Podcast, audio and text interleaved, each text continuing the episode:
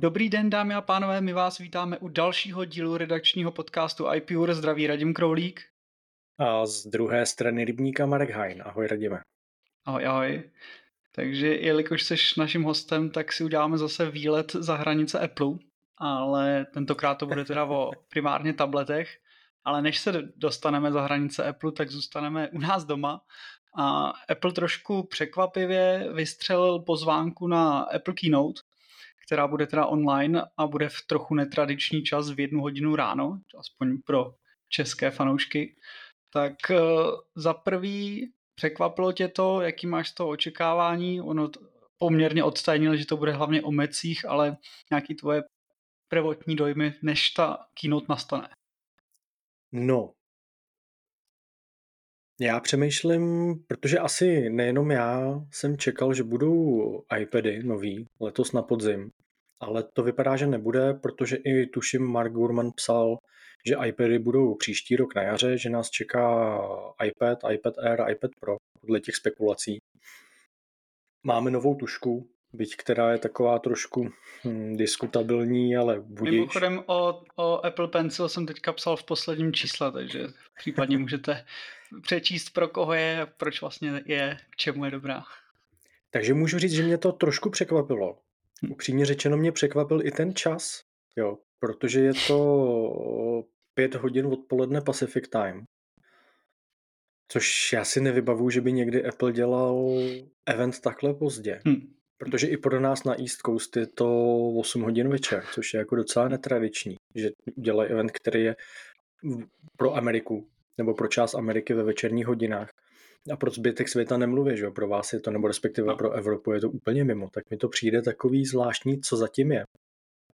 Jestli to třeba nebude něco Jasně, nabízejí se meky, zase teďka lidi se pustili do té pozvánky, že jo, a mě vždycky fascinuje, jak jsou prostě lidi z obrázku a ze dvou slov schopní vydedukovat prostě, že se bude stavět raketoplán nebo něco podobného. Jako, jako no. takhle, eh, o, obyčejně ano, tady tím, že vlastně to logo pak přechází do ikony Finderu na Macu, tak je to takový, řekněme, jo, víc tak asi, jasnější jo, než ty obraznější. Jasný. Ale zase si říkám, když už teda spekulujeme, jako věštíme hmm. z kávového zrna, Jestli třeba tím, že je ten event takhle pozdě a teďka, když to řeknu blbě, pro Evropu nedostupný, jestli třeba nepůjde, pro, jestli nepůjde o produkt, který bude jenom cílený na americký trh, jo, může být, já nevím. Fakt spekuluju, hmm. přijde mi to zvláštní, ale Apple má vždycky svoje důvody, proč dělá věci tak, jak dělá, takže věřím, že se do, dozvíme a že se dočkáme. Ano, jsem slyšel, že všichni tak nějak litují toho, že chudák Tim Cook nebude moc říct good morning, že to no, nebude to mě ráno. taky jako zarazilo, co to říká good afternoon, good evening, jo. To jeho good morning už je dneska podle tak. mě stejně slavný jako one more thing. Přesně tak, no. Eh, co je zajímavé, tak asi všichni tak nějak rovnou už eh, berou za hotovou věc, že budou M3 čipy. A já jsem teda už ještě předtím, než to zveřejnili, tak jsem byl v táboře, že jako M3 čip nebude před eh, Vision Pro. A jsem hmm. Eh, teď, jak to zveřejnili a právě všichni začali už v podstatě to brát za tutovku, tak jsem rád, že jsem našel aspoň jednoho spojence zvučního, a to je John Gruber, který stále tvrdí, že si nemyslí, že to bude spojený s M3. Uh, co si myslíš ty? Bereš to jako, že M3 je nejpravděpodobnější scénář, že z jiného důvodu by vůbec žádnou keynote nedělali? Nechci spekulovat a nevím, uh, abych pak nemusel si zase sypat popel na hlavu, jak to většinou dělám. Ale aktuálně probíhá Qualcomm Summit, na Havaji, jestli se nepletu. A Qualcomm představuje všechny možné čipy, eh, ať už pro mobilní telefony, nebo pro sluchátka, nebo pro počítače. A poměrně v jedné prezentaci, co jsem viděl, tak se tam docela dost vobul do M2 čipů, s tím, že jejich čip bude v píku o 50% rychlejší, výkonnější, lepší. Nemyslím si, že by Apple reagoval na, na tohleto prohlášení a nemyslím si, že by ten event, který se blíží, byl jakoby v eh, reakci na tenhle ten Qualcomm Summit. Mm, zas na druhou stranu by mě překvapilo, kdyby představili nový Macy bez nových čipů. Proč? No takhle, nabízí se iMac, ale ten asi neutáhne samostatnou keynote, takže leda, že by to byl nějaký zase iMac Pro nebo něco, něco nového, no, těžko, těžko říct, no, ale je pravda, že jako já furt Není vždycky, víš co, když se objeví, když se objeví takovýhle, ať už jakoby tradiční event, ať už je to prostě zářijová keynote, nebo pak prostě vyběhne tenhle podzimní nebo ten jarní, který většinou, většinou často býval v březnu, jestli se nepletu, tak si vždycky říkám, a třeba přijde něco úplně nového. Třeba přijde něco, co jsme nečekali. Jo? Třeba, já nevím, přijde konkurence Ray-Ban Meta Braille, nebo přijde hmm. konkurence Aura Prstenu. Nikdy nevíš. Já chápu spekulace, ale přijde mi, že se ty spekulace často drží hodně při zemi, anebo vycházejí z toho, co ty zdroje blízký Apple nebo tomu dodavatelskému řetězci mají, ale nikdo už dneska nespekuluje tak jakoby v těch výšinách mezi oblaky a nikdo nespekuluje na téma, hele, co kdybychom se dočkali prostě něčeho hmm. nového, převratného, revolučního.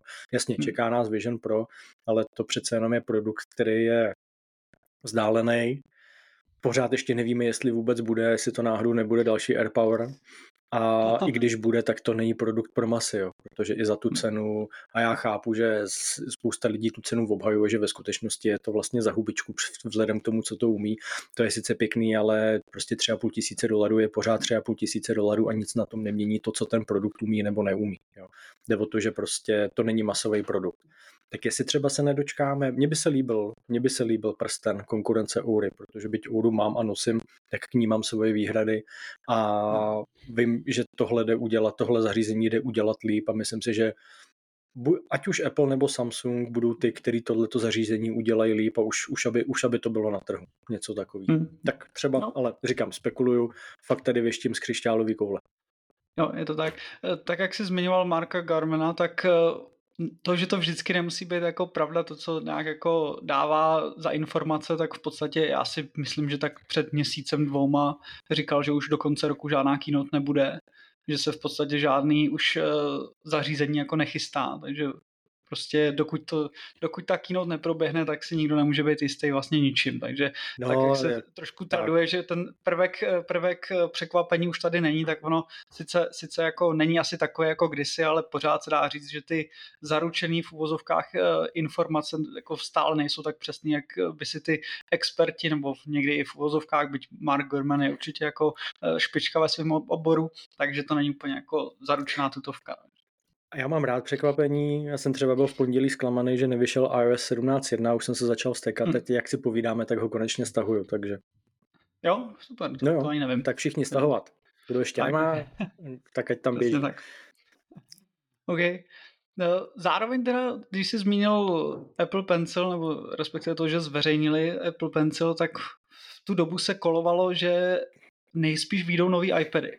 Ty nakonec nevyšly takže nám to aspoň ne, nerozstřelilo ten náš plánovaný uh, harmonogram dnešního podcastu. Tak, uh, tak jak jsme minule probírali iPhony, tak mě by zajímalo, protože zase absolutně netuším, tak jak jsem nevěděl nic o telefonech z říše neapplistů, tak vůbec vlastně ne, nevím absolutně nic, co se děje na poli tabletů mimo hranice Apple eh, ty si psal v 309. čísle o Samsungu Galaxy, tak zajímalo by mě takový v úvodu, takový jako řekněme o světu, jak to vypadá na, na poli tabletů za hranicema Apple. Bídně. ne, to samozřejmě zlehču. Kdo, takhle, asi mm, kdo čet ten článek, tak tuší, jakým směrem se budeme ubírat. Kdo nečet ten článek, doporučuji přečíst. Mm, ono samozřejmě, já jsem ten článek, jestli, se ne, jestli si to dobře pamatuju, tak jsem začínal tím, že uh, pro spoustu lidí tablet rovná se iPad, což samozřejmě tak je, protože byť iPad nebyl první tablet, tak Apple opět ukázal, že umí vzít produkt a umí ho prostě udělat uživatelsky přívětivý a dostupný pro lidi a prostě celý ten segment otočit ve svůj prospěch, jo? protože do té doby tablety byly takový prazvláštní zařízení, který málo kdo používal nikdo v tom upřímně řečeno neviděl moc smysl. A byť Androidí tablety běžely na Androidu plus minus stejným, který běžel, na, který běžel v telefonech do té doby, tak co si budeme povídat, jo, první iPad měl v podstatě jenom iOS roztáhnutý na velký displej, ale tím, jak ten systém byl, vždycky byl dobře optimalizovaný pro ovládání prsty, tak prostě na tom, na tom tabletu to dávalo smysl. A dlouho, dlouho trvalo, než Android chytil druhý dech a já neříkám ani v nejmenším, že by Android dohnal uh, iPad v tom, co umí. Byť záleží, a k tomu dojdem, záleží jakoby na úhlu pohledu a na tom, co člověk od toho očekává, co chce používat. Nicméně ta situace se v posledních letech, řekl bych, dramaticky změnila obrátila k lepšímu. A jak už to v tom Androidím světě bývá, tak jako lví podíl na to má Samsung, který prostě si vezme ten Android, na něm si postaví tu svoji vlastní nastavbu a jede si tu svoji cestu, která mm, teď to možná přeženu a Apple fanoušci se budou chytat za hlavu, ale Samsung je takovej z mýho pohledu Apple, toho androidího světa, protože si prostě dělá věci po svým a zbytku toho, zbytku toho segmentu velmi často ukazuje záda a myslím si, že ty tablety jsou přesně ten segment, protože když řekneš Android tablet, tak já si nevybavím upřímně řečeno nic jiného než Samsung. Já nevím, a asi kdybych hledal, tak najdu, nebo kdybych se o to víc zajímal, tak najdu, ale já nevím, kdo jiný dělá použitelný Android tablety. Jasně, Google má teďka Pixel tablet, ale to je zase trošku jiný zařízení, protože s tou dokovací stanicí je to takový hybrid mezi tabletem a chytrým displejem do domácnosti a ten Samsung to přece jenom posouvá dál jakoby i v oblasti příslušenství uh, a tak dále, tak dále. Takže je ta situace jiná, než bývala. Jasný. Víš, jak je na tom třeba Microsoft? Protože vím, že ty měli nějaký ty svý Surface a vůbec vlastně Microsoft, ale Surface běží na Windowsech. No, jasný. Já tady s chodou okolností mi tady leží Surface Pro 9, Surface 9 Pro, Pro 9, 9 Pro, to je jedno, který jsem hmm. používal jako laptop, teď ho prodávám, protože jsem ho nahradil něčím jiným, o čem budu psát v jednom z příštích čísel iPure ale hm. Surfacey, jestli si to dobře vybavuju, a možný, že se pletu, ale myslím si, že ne, Surfacey nikdy neběžely na Androidu, vždycky běžely na nějaký iterace Windowsu. Na začátku to byly takový ty prazvláštní verze pro ARMový procesory. Dneska už běží Surfacey na klasických jedenáctkách. Hmm. Okay. Než se ponoříme víc do nějakých technických specifikací, tak možná by bylo fajn si na úvod říct, eh, jak vlastně ty vnímáš tablet, eh, kde vlastně je v tvým jako workflow zařazený, protože asi něco jiného je eh, pohled člověka, který to má čistě na konzumaci a jiný bude č- nějakého kreativce, který to má čistě jako na business a vlastně to má náhradu jako v Macu. Takže jak tohle to vlastně máš ty? U mě se ta situace během let jakoby dost měnila. Protože já, jestli se dobře pamatuju, tak můj úplně první tablet byl Nexus 7 na Androidu. Což byl v té době, a to je hrozných let zpátky, v té době to byl doplněk buď Nexus 4 nebo Nexus 5 Google telefonu. A byl to pro mě prostě zařízení na konzumaci obsahu, na hraní her. A hm. ono je to opravdu, to je, teď to nespočítám, ale to je minimálně 10 let zpátky, možná víc. Nevím, nevím, kecal bych. A pak přišel iPad. První iPad pro mě byl zase stále prostě zařízení na konzumaci obsahu, pak jsem si pořídil iPad mini, protože jsem chtěl něco jakoby takového přenosnějšího. A s prvním, s prvním iPadem Pro, 10, kolik byl, 10,5 palce, jestli se nepletu. První iPad Pro, ke kterému se dala připojit taková už jakoby hmm. použitelná klávesnice, podpora Apple Pencil, tak tam jsem začal chytat takový, takový trošku nápady, že by to mohlo být pracovní zařízení. A pak jsem se po vzoru Federika Vitičiho nějaký plus minus 2-3 roky eh, snažil vohnout iPad tak, aby mi nahradil pracovní zařízení, aby mi nahradil notebook. A mm, víš, jak to je, no. Teďka posluchači nevidějí se tady drbu pravou rukou za levým uchem, ale ono to tak bylo, jo. Prostě ten iPad je takový, jaký je a opravdu jsou takhle. Já neříkám, že iPad nemůže být pracovní zařízení, jsou určitě profese, eh, řekněme, kreativnějšího typu, kde iPad určitě může fungovat super, ať už je to úprava fotek, videí. A zase jo, mm, skalní extra eh, konzervativní fotografové by mi oponovali, že prostě takový nesmysl jako iPad do svého workflow nikdy nezařaděj, ale ono je, co, co, člo, co prostě člověk to z toho chutí, že Takže mně se nepovedlo, nepovedlo se mi zlomit iPad tak, aby to pro mě bylo pracovní zařízení a pak jsem to vzdal. Jo. Uh, iPady Pro jsem prodal, uh, šel jsem cestou iPad Air jako ze, ze zařízení na konzumaci obsahu. Loni před loni jsem si koupil novýho mini, šestou generaci, který je teda skvělý. To je podle mě nejlepší iPad, který kdy vyrobili. Ten já miluju, ten nedám z ruky. A tím pro mě tablet na práci skončil. A vrátilo se to s těmi mými experimenty v Androidním světě, když Samsung vyšel s Galaxy Tab S7, což bylo loni předloni. A já jsem si po vzoru iPadu nejdřív koupil menší variantu a když jsem zjistil, co je Samsung DeX, a, a k tomu dojdem, a hmm. že ty Androidí aplikace vlastně jako umějí běžet v multiwindow a že tam dobře funguje multitasking, a pero je zdarma v balení a klávesnice se dá pořídit za dobrý peníze, tak jsem to trošku začal zase uvažovat nad tím, že by mi mohl tablet ne nahradit, ale spíš doplnit notebook. Jo? Nechceš prostě notebook tahat všude sebou. No a ono se to postupem času celý úplně převrátilo, protože pak jsem koupil větší variantu a loni poprvé Samsung vylez s tím letím monstrózním 14,6 palce Ultra tabletem, který ten displej je prostě fenomenální a je obrovský a tenký rámečky kolem a jako fakt je to pěkný. A loni to bylo tak, že k tomu k tomu tabletu byla klávesnice, která po vzoru Apple Magic Keyboard stojí něco přes 300 dolarů, tak bylo zadarmo.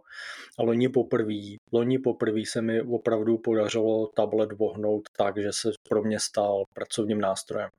A není to daný tabletem, ale je to daný tím Samsung DeX modem, kdy uh, DeX Mode je specialita Samsungu, která běží ve výkonnějších telefonech, v tabletech a v podstatě ti z hmm. Androidu udělá desktopový prostředí po vzoru Windows. Vypadá to plus minus stejně, hmm. chová se to plus minus stejně, s oknama se pracuje stejně jako ve Windowsech. Aplikace, které mají tabletový rozhraní nebo i desktopový rozhraní, tak se automaticky otvírají v tom rozhraní a máš v podstatě jakoby dvě zařízení v jednom. Jo, máš tam Android jako takovej, když vyskočíš z Dex modu a pak teďka zase přes různý všelijaký nastavení a customizace, který Samsung umí. Když ten tablet vezmeš a připneš ho ke klávesnici, tak se automaticky zapne do toho hmm. Dex modu a chová se jako notebook. A zase záleží, co kdo dělá, jakou má práci, jaký má workflow, ale podle mě tohle to je přesně ten moment, kdy můžeš mít jak uh, desktop zařízení, tak tablet na konzumaci obsahu v, jakoby v jednom zařízení, protože prostě je to takový Jekyll a Hyde, který se umí přepínat z jednoho do druhého podle tvý potřeby.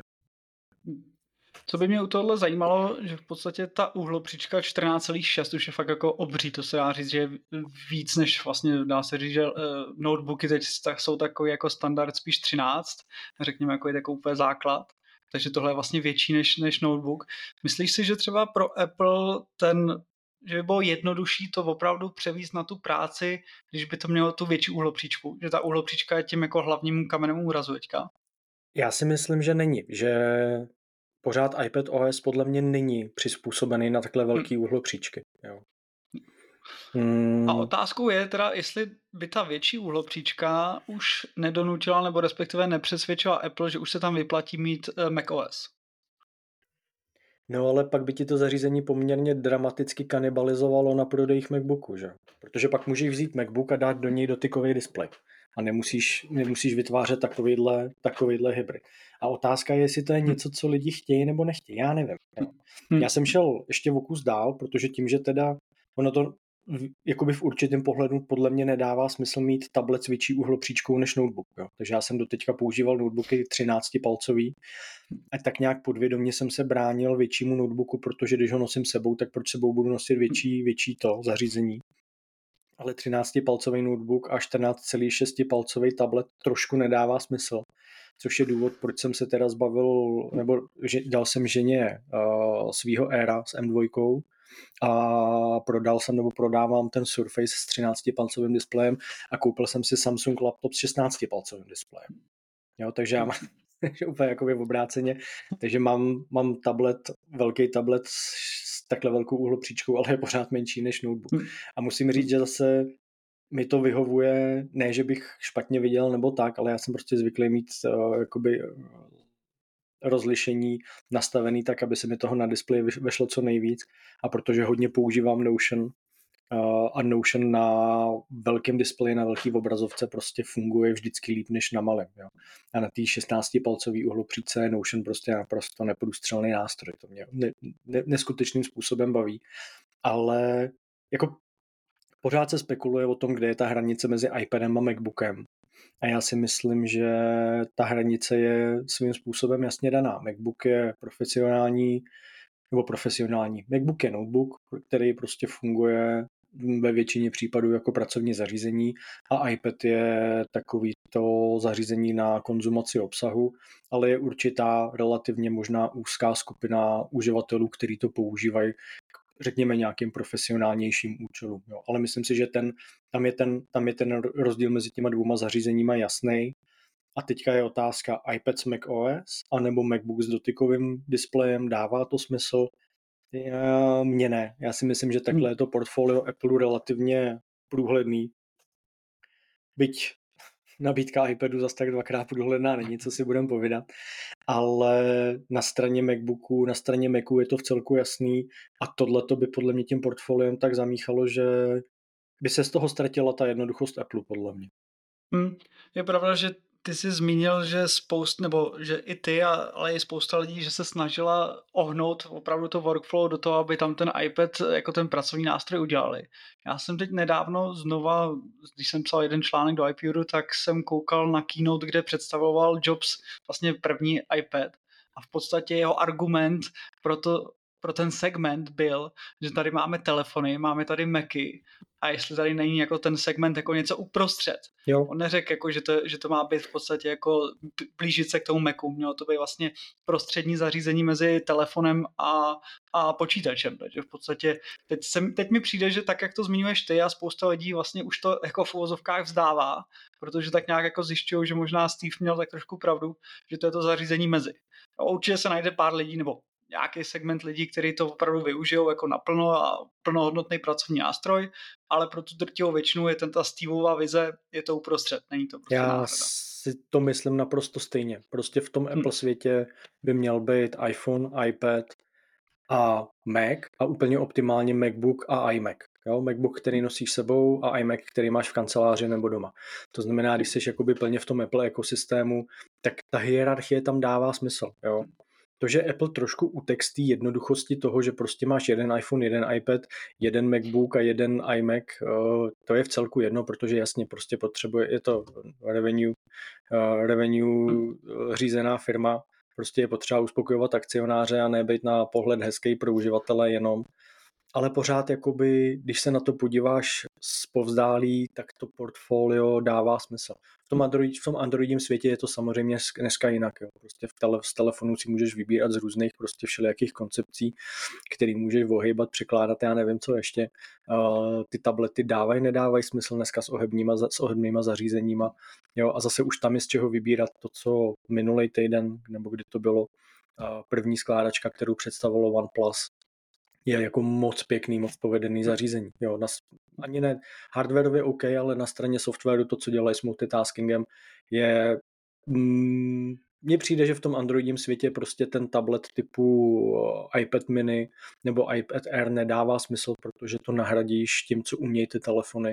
Takže tam se ty hranice jakoby hodně, hodně smazávají.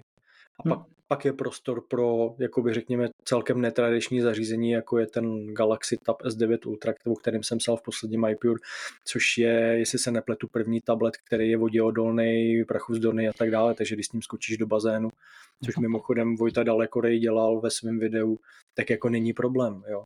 Ale to je zase, to je taková prostě okrajovka, taková specialitka, která není úplně pro masy, pro všechny a to si myslím, že jako krásně popisuje ten rozdíl mezi tím Apple a Androidím světem. Prostě v tom Apple světě jsou ty věci jasný, jednoduchý, přímoč, přímočarý a v tom Androidím světě máš jakoby spoustu věcí, ze kterých si můžeš vybírat, spoustu různých směrů, ale musíš si k tomu trošku sednout a musíš si to trošku studovat, abys prostě věděl, co si máš vybrat. Hmm. Když jsme minule řešili telefony, tak jsme narazili na problematiku ekosystému a to, jestli vůbec vlastně v Androidním světě jde jako si vytvořit podobný ekosystém, jako je u Apple. Jak vlastně je u Samsungu tabletu ta nějaké jako to zapracování do ostatních zařízení, aby to spolu komunikovalo a to workflow, aby jako jelo ten ekosystém vlastně jakože v úzovkách Samsung, Samsung Mm, já nevím, jestli, já nevím, jak moc jsme se o to minule otřeli, ale ten ekosystém hmm. Samsungu, a teď neříkám Androidu, jo, to je potřeba rozlišovat mezi tím, co umí Android Myslím a mezi si, tím, že jsme co se minule dostali i k uh, ledničkám. Teda. No, kolem kterých je mimochodem kauza, že zlobí. Uh, je potřeba rozlišovat mezi tím, co umí Android a mezi tím, co umí jednotlivý výrobci. Hmm. Jo? Hm. Protože uh, to, co umí Android, není to, co umí Samsung, to, co umí OnePlus, nebo to, co umí Google. Jo? Google, Google spousta lidí dává rovnítko mezi Google a Android a ono to není pravda, protože Google zařízení, telefony, tablety, hodinky, sluchátka umějí víc, než co umějí prostě jiný výrobci na Android. Jo. Ono Google si taky jede takovou trošku svoji vlastní písničku a všem ostatním nedává úplně všechno uh, v rámci open source Androidu. Ale v tom Samsung světě já bych úplně s čistým svědomím postavil uh, Samsung ekosystém vedle Apple ekosystému. Já si, jestli si to dobře pamatuju, tak jsme se otřeli o to, že Samsung nemá služby jako Apple. Ať už je to hudba, ať už, je to, ať už to jsou hry, televize, tvorba vlastního kontentu, tam Samsung není, nebo minimálně nevím, co se děje v Jižní Koreji, jo, kde prostě to je zase svět trošku sám pro sebe. Jo. Ale na té globální úrovni ne. Na straně hardwareu a na straně toho, jak, jak spolupracuje software v jednotlivých zařízení mezi sebou, si myslím, že je Samsung v podstatě úplně stejně vedle uh, hmm. Apple. Některé věci fungují jinak, některé věci fungují líp v tom smyslu, jo, MacBook s iPadem a s iPhonem jakoby dokážou si synchronizovat a přenášet data mezi sebou. Dneska už můžeš, že jo, díky Universal Control ovládat z Macu uh, telefon a uh, iPad, byť tam jsou nějaké limitace. Samsung má to samý, říká tomu multicontrol a můžeš těch zařízení prostě vedle sebe propojit, kolik chceš. Clipboard, copy-paste ze zařízení do zařízení funguje stejně. Zařízení umějí prostě přijímat hovory, sluchátka se přepínají mezi sebou podle potřeby. Hodinky fungují plus minus v podstatě stejně jako Apple Watch. Co má Samsung trochu jinak a co může být pro někoho výhoda je, že uh, z laptopu, z notebooku a ne nutně ze Samsungu, ale v podstatě z jakýhokoliv Windows 11 notebooku můžeš plně ovládat Samsung telefon a to tak, že si v tom notebooku otevíráš aplikace. Buď si můžeš zrcadlit uh, display, Eh, telefonu na display notebooku nebo počítače, a nebo si můžeš rovnou otvírat Android aplikace, což třeba pro některé lidi může být výhoda, že máš telefon postavený v nabíječce nebo ho ležíš, nechceš prostě kvůli každý s proměnutím ptákovině brát telefon do ruky, nejenom kvůli příchozím zprávám a podobně, ale prostě chceš se podívat na Instagram, eh, což je blbý příklad, se můžeš právě v prohlížeči, že jo. Ale nějak, řekněme jiné služby, uh, plásnu třeba, já nevím, chůvička, Jo, máš zapnutou chůvičku v telefonu, tak si to prostě tu aplikaci otevřeš v počítači, nemusíš brát telefon do ruky, nebo ti tam může běžet. Takže v tomhle tom je jakoby ten ekosystém trošku jiný, zase ne v té jednoduchosti, jde víc do hloubky, nabízí toho víc, ale zase to vyžaduje prostě, že ten uživatel se do toho musí trochu víc ponořit, trošku si pohrát s nastavením, ale jinak jakoby v tom základu jsou ty ekosystémy prostě plně po, na, postavitelný vedle sebe, včetně toho, že teda jakoby ti vysavač řekne, že dovysával, a lednička ti řekne, že máš koupit vejce. No. Super. Vrátíme se k tabletu. Co by mě zajímalo, velký téma ohledně, řekněme, nějaký jakože profesionalizace iPadu, vždycky jako je multitasking a teďka vlastně byl Stage Manager jako, uh, je, jako taková novinka, kdy to bylo loni nebo předloni, tak předloni, zajímalo by mě, jak vlastně nebo loni? Nebo to, loni, ale to se o to moc neotřeli. Myslím si, že loni to byla novinka. Podle mě to bylo loni. Loni, protože já jsem tak. si kupoval, já jsem měl iPad Air 4, čtvrtou generaci a kupoval jsem si loni, jestli se nepletu na jaře, Air, ne, nebo už na podzim. No, kupoval jsem si Air pátý generace s M1 čipem kvůli tomu, aby mi na něm fungoval Stage Manager, abych ho mohl vyzkoušet. Hmm. Což bylo tak těžké mě... zklamání, ale... tak, a to by mě to zajímalo, protože to je jako velký téma a Stage Manager, řekněme, že uh, tomu trošku jako přilil olej do ohně, ale asi to úplně nevyřešil celou tu problematiku, tak jak tohle to vlastně funguje na Samsungu? Uh, Na Samsungu, na, Samsung má v podstatě, ať už v telefonu nebo v tabletech, takový to svoje, uh, takový ten svůj multitasking, kdy si můžeš otvírat prostě dvě, dvě okna vedle sebe, tak jak to uživatelé znají z Windows nebo nakonec i z Mac OS, prostě otevřeš si jedno okno, vedle něj si posadíš druhý okno, s tím, že na těch desktopech, že si s těma oknama můžeš jakoby hrát, trošku zvětšovat i zmenšovat, ono to jde ve finále i na Samsungu, jo. Tam jsou věci toho typu, čekaj, já si mu folder do ruky. Ale otevřu si třeba Gmail a když mám otevřený Gmail na celém displeji, tak ho chytím za pravej, chytím ho za horní, ne, za tu, za tu čárečku, jo. v podstatě můžu tu aplikaci jakoby chytit za roh a s tím oknem to okno zmenšovat a zvětšovat. Standardně multitasking je tak, že mám dvě aplikace vedle sebe, můžu si dát tři a přes ně si můžu dát čtvrtou plovoucí. Jako upřímně, mě vždycky fascinuje, jak spousta recenzentů se nad tím rozplývá, jak prostě můžeš mít, já nevím, kolik oken vedle sebe. Ale ono, já nevím, jako dává to smysl. Já používám maximálně dvě okna vedle sebe a to většinou tak, když prostě mám otevřený kalendář vedle mail nebo nějaký, nějaký, nějakou messaging aplikaci a prostě plánuju schůzky, nebo když potřebuju prostě přehazovat z jednoho okna do druhého, ale jako, že bych nějak dramaticky hmm. používal to, že mám otevřený tři aplikace nebo čtyři aplikace naraz, jo, že bych tadyhle sledoval akcie, tadyhle krypto, tadyhle nakupoval, tadyhle prodával, no tak to není můj use case, jo. Ale hmm. Uh, úplně, takhle, úplně stejně to funguje jak na telefonech uh, Samsung, tak na tabletech. Co se mi ale líbí, a vrátím se k tomu, uh, to, jak řeší to, jak řeší multitasking OnePlus v tom svém novém vohebném telefonu, kdy oni tomu říkají něco jako Open Canvas, kdy stejně jak si na Samsungu otevřeš dvě aplikace vedle sebe, každá zabere půlku displeje, tak ty si tam můžeš přidat třetí a jakoby se tak jako hezky pohybuješ mezi nima. To znamená, nemáš nikdy všechny tři na displeji, ale jakoby pohybuješ se mezi nimi ze strany do, ze strany, do strany a furt máš ty aplikace v takový, řekněme, plnohodnotný podobě a ne zmáčknutý prostě do toho malého prostoru. A co si mi líbí úplně nejvíc je, že máš uh, dvě vedle sebe a pod nima třetí ve full screen. A jenom prostě swipe nahoru si otevřeš tu třetí, swipe dolů si zase otevřeš ty dvě.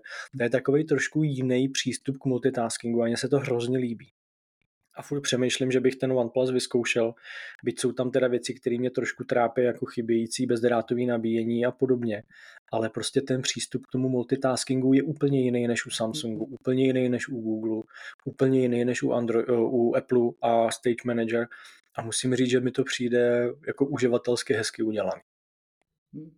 Tím, že máš hodně zkušeností z různých platform, tak co bys dal na první místo v rámci jako multitaskingu? Hmm, tušku a papír. ne, ne, bez srandy, jo, hmm. protože jako upřímně řečeno multitasking je zabíjí produktivitu, jo, co si budeme povídat. Ne, nadarmo se říká, že chlapi nezvládají dělat víc věcí naraz, protože ono dělat víc věcí naraz nemá smysl. Jo. Já jsem, tak ono hele, ono asi nejde právě o to, jako že ten multitasking ve smyslu, že děláš tři spolu nesouvisející věci, ale že z jedné z jedný aplikace tak, čerpáš tak, tak, pro tu druhou. Ano, ano. To znamená multitasking ne v tom smyslu toho slova jako takového, že dělám prostě 10 věcí naraz a prostě hacknu jsem tu produktivitu a zvládnu toho za 8 hodin, co jiný za 28 hodin. To je samozřejmě nesmysl. Ale spíš z toho pohledu, OK, pracuju na jedné věci a to, že si otevřu dvě spolu související aplikace vedle sebe, je super, protože si právě otevřu kalendář a e-mail vedle sebe, nebo si otevřu dokument a prohlížet souborů vedle sebe. Těch, těch jakoby use caseů je hmm. samozřejmě spousta. Mně upřímně řečeno v tomhle asi nejvíc vyhovuje to, jak to řeší Samsung v One UI. Protože je velmi jednoduchý si prostě za prvý otevřít dvě aplikace vedle sebe a za druhý si nastavit páry těch aplikací. Hmm. To znamená, já můžu mít nastaveno třeba Outlook a kalendář jako jednu ikonu a kliknutím na tu jednu ikonu si to rovnou otevřu ten pár vedle sebe, takže nemusím procházet tím procesem, kdy uděláš nějaký gesto a otevře se ti, prostě ta jedna aplikace se ti minimalizuje, otevře se ti nabídka dalších aplikací a ty si vybereš, která je ta druhá, která ti poběží vedle sebe. Jo, takže to, že si to můžeš přednastavit, tak uh, zase jakoby zheknutí té produktivity toho, že ušetříš jak asi dvě vteřiny, ale ušetříš to několikrát denně a pak si můžeš v klidu vypít kafe, tak z tohohle toho pohledu se mi líbí Samsung, ale jak říkám, nemám vyzkoušený ten OnePlus a fakt se mi to hrozně líbí a přemýšlím nad tím, že to vyzkouším, protože tam kromě toho, že jdou nastavit pár aplikací, tak tam jdou nastavit ty tři aplikace, které si můžeš pootvírat vedle sebe. A to by se mi v některých případech, jako můžu říct, líbilo. Mít prostě otevřený e-mail, kalendář, uh, Telegram, jo, protože, nebo WhatsApp, protože často prostě s někým řeším, plánujem schůzky po WhatsAppu, ale potřebuju prostě vidět do kalendáře potřebuju vidět do, do e-mailu k nějakému kontextu, takže mít třeba tyhle ty aplikace všechny tři vedle sebe a mít to nastavený jako triple ikonu, no, no, no, je to hodně lákavý. Mm-hmm. Já nevím, jestli se ze mě chtěl dostat, abych řekl, že stage, stage manager je geniální. Není, není, není, není. jako takhle, já tím, že souhlasím s tebou, že když už ho použi- nebo když už používám multitasking, tak je to právě pro tu jednu činnost a čerpání a práce jako na druhé aplikaci, tak já jako často přemýšlím, jestli by právě nebylo lepší se vrátit, eh, což samozřejmě jde v nastavení, k té variantě, co bylo před Stage Managerem to mi pořád přijde, že pro používání dvou aplikací a tam ještě ten slide over, je to pořád jako asi nejefektivnější uh, způsob jako jo, toho multitaskingu. Souhlas. Mě, já, já nevím, jestli jsem ten stage manager nepochopil, nebo jestli to prostě není můj, ká, můj šálek kávy, ale já i po té době, po té době, co prostě to mám a asi nejvíc s ním přicházím do kontaktu na iMacu, tak s tím prostě pořád bojuju. Mně přijde, že to fakt jako v některých situacích prostě nedává smysl. Já Jak jsou na tom tablety primárně teda Samsung, co se týká výkonu? Protože řekněme, že u iPadu se teď řeší, že v podstatě pokud nejseš velmi specifická skupina, tak z ní jako nemáš šanci vymášnout to, co bys jako reálně mohl. Hmm. Tak jak je na tom vlastně Samsung? Podobně? Ale to je úplně to samý, jo, protože hmm. teďka v tom posledním je Qualcomm Snapdragon 8 Gen 2 for Galaxy, což je ještě nějaký prostě pro Samsung upravený čip. Má to, já mám verzi, která má 12 nebo 16 GB RAM, 256 GB vnitřní paměť, má to dva foťáky vepředu, dva foťáky vzadu a já nevím prostě co všechno, jo. jako já nejsem úplně takový power user, abych se hmm. dostal do situace, kdy bych pocitoval nedostatek výkonu, protože to prostě není úplně, není úplně můj případ. Hmm. Jak je to tam vlastně řešený, co se týká, protože u iPadu je Face ID, věč, u většiny ne u všech teda, jak je vlastně tohleto řešený, vím, že to je nějak na, na otisk, ale jak přesně to funguje, kde ten otisk se vlastně zadává?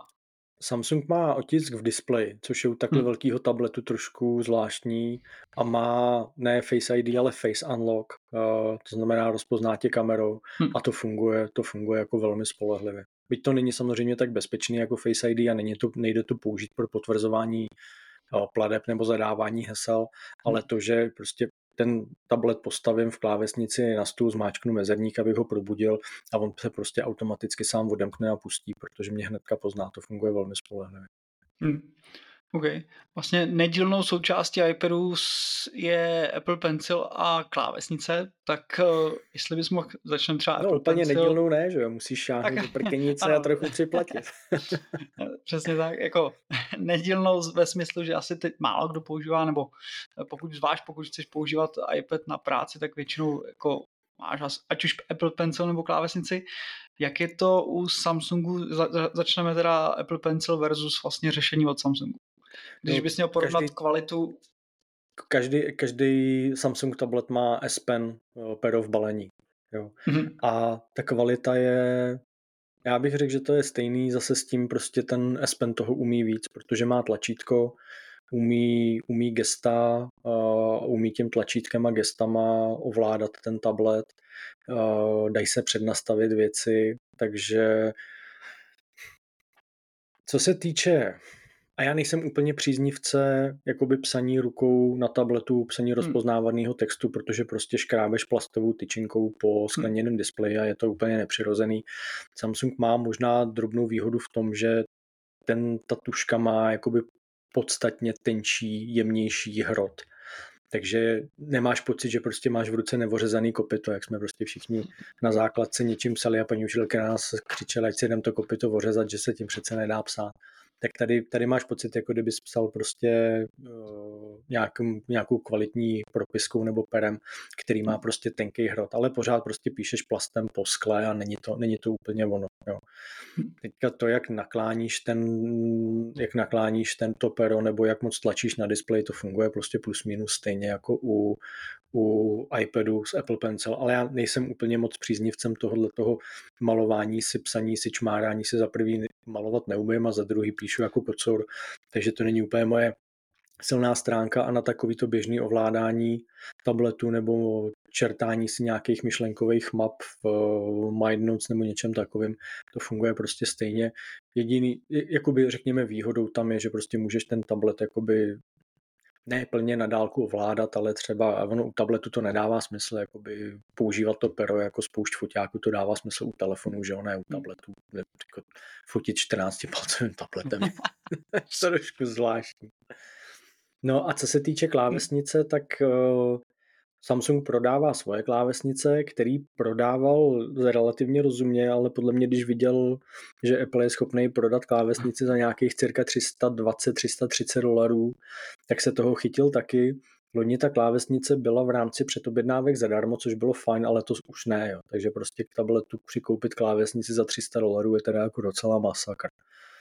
Tak aspoň, že to pero je tam hm. zadarmo, protože ta klávesnice je drahá, ale ono je to klávesnice, je to stejný jako Magic Keyboard, akorát Magic Keyboard že jo, je, má takový to polohování, že ten tablet ti vysí ve skutečnosti ve vzduchu, tady máš záda uh, krytý uh, toho tabletu, plus teda u Samsung tabletů se uh, pero při, připne na záda, ne, jakoby, ne, ne jako u Apple na, na bok tabletu a tenhle ten kryt má jakoby slot na, nebo šachtu na to, na to S Pen, která se odklápí. Takže máš, ten, takže máš to pero krytý a nestane, nestane se, že bys ho jen tak ztratil.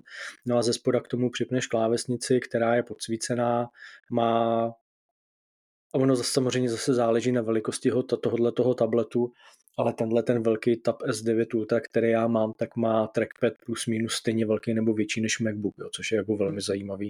Fungují gesta úplně stejně, jako fungují gesta na MacBooku nebo na Windows laptopech, jsou, můžeš si je nastavit. Takže jako bez klávesnice to určitě nedává smysl, ale zase se musí zájem, případní zájemci připravit, že za tu klávesnici prostě musí vysolit na stůl. Není to úplně levný příslušenství. Tak Vlastně minule i s telefonama jsme řešili, že už dávno neplatí, že iPhone by byl cenově úplně někde jako odskočený od konkurence. Jak je to vlastně s, se Samsung tabletem v porovnání s asi s vlajkovou lodí jako iPad? No oni cenově se jako moc nelišej a já ti to z hlavy neřeknu a hlavně když budu koukat, tak bych musel koukat na tak bych koukal na, na americké ceny, což nedává smysl. Takže se pojďme podívat na české ceny, hmm. což já si vůbec se neorientuju, ale bude zajímavý se na ně podívat. Tak se podíváme. Takhle, základní tablety nebudou drahý, to si myslím, že hmm. uh, určitě ne. A ono i z toho pohledu, že uh, Samsung má, jestli se nepletu, dvě řady tablet, tabletů. Uh, má Ačkovou řadu, která je jakoby jednoduchá, levnější a pak má tu vyšší řadu, tu Tab S, což jsou v uvozovkách jakoby špičkový zařízení uh, s výkonným čipem a tak dále a tak dále. Takže úplně základní Tab A8 s LTEčkem pořídí za 5990 korun. To vůbec není hmm. špatný. A oni mají ještě levnější, hele, Tab A7 Lite který má jenom Wi-Fi za 3290, takže pokud chcete úplně prostě hmm. obyčejný základní hmm. tablet, tak to samozřejmě se dá porovnat a koupit levně. No ale když se podívám na tu ujetinu, kterou mám já, což je Tab S9 Ultra, a ve hezky vy ho máte v Čechách s 5G, tady se neprodává s 5G, tak hmm. tu variantu, kterou mám já, Tab S9 Ultra bez 5G s 512 GB a 12 GB RAM, tak to je 34 490. Hmm. K tomu si připočtu klávesnici za cirka 10 tisíc. No, to to sviští na letišti. 9000, 9190 stojí klávesnice, no. Takže hmm. seš na nějakých plus minus 33 tisíc, pardon, 43, 43 500 za tenhle tablet s uh, klávesnicí. Což si myslím, že je v, teri- v teritoriu toho, co stojí iPad Pro velký s Magic velký. Keyboard. Jo, jo, jo, to bude dost podobný, no. Mm-hmm. no. Levný to není, jako to, to no, rozhodně ne, tak. ale, ale tak ono, takhle, pořídíš levný tablet, pořídíš drahý tablet a myslím si, že u Apple je to stejný, že úplně stejně jako u Apple no. si můžeš koupit úplně základní iPad, který stojí dneska, já nevím kolik, 7, 8, 9, 10 tisíc, něco takového. Jo, myslím, že ta devátá generace ještě se za nějakých 8, no. 9 dá, dá prodat. No. Což je Což je jakoby rozumná volba, že mm-hmm. u toho Samsungu bych tablet asi za 3,5 tisíce nekupoval, tam bych se bál výkonu, ale v této v cenové relaci do těch, kolem těch 10 tisíc už podle mě koupíš. Já se, abych zase nevykládal nesmysly, tak si myslím, že jeden z těch, jeden z těch levnějších, který budou mít dostatek výkonu, koupíš. A mm, asi, asi, asi ne, ne, nešlápneš vedle a pokud nepotřebuješ úplně tohleto obrovské zařízení, tak ten klasický Tab S9, který má, jestli se nepletu, 11 palců uhlopříčku. Teď zase jenom, abych tady nepouštěl nějaký nepravdy. A tady nevidím specifikace, sakra. Myslím, že jo. Myslím, že ten základ, ten malý Tab S9 má 11 palců uhlopříčku, což je srovnatelný s klasickým iPadem, tak ten začíná na 21 tisících, což je podle mě srovnatelný s iPadem Pro, jestli se nepletu. Mm-hmm. OK, super. Tak jo. Takže cenově se nějak jakoby nevybučujeme, nevychylujeme. Mm, jasný. OK, tak myslím, že jsme si zase udělali cestu za hranice Apple, takže máme za sebou telefony, máme za sebou tablety, uvidíme, kam se vydáme ještě příště. Hele, příště bych se otřel, možná pojďme se podívat na jedno za mě z nejzajímavějších zařízení letošního roku Google Pixel 8 Pro. Mm-hmm. Kvůli tomu, jak Google ten telefon posunul opravdu do kategorie vlajkových lidí, kdy se může směle postavit vedle iPhone 15 Pro Max nebo Samsung Galaxy S23 Ultra nejenom foťákem, ale i vlastnostma, eh, výkonem a hlavně všema těma dneska populárníma AI funkcema, který ještě by v, na začátku prosince by měly být doplněný o další. Možná stálo za to podívat se, co dělá Google yep. v oblasti svých hmm. telefonů a ve světě AI, protože to je dneska jakoby poměrně velký téma. Jo, vrhneme se na to. OK, dobrý, dobrý. takže díky ti za tvůj čas. Já, Já díky za pozvání. Urči, určitě budeme rádi, když budete naš, náš podcast poslouchat, odebírat. Samozřejmě budeme rádi, když budete číst náš magazín iPure a my se zase někdy uslyšíme a s posluchači se uslyšíme za týden. Takže ještě jednou díky a ahoj. Já díky a příště si budu těšit. Ahoj.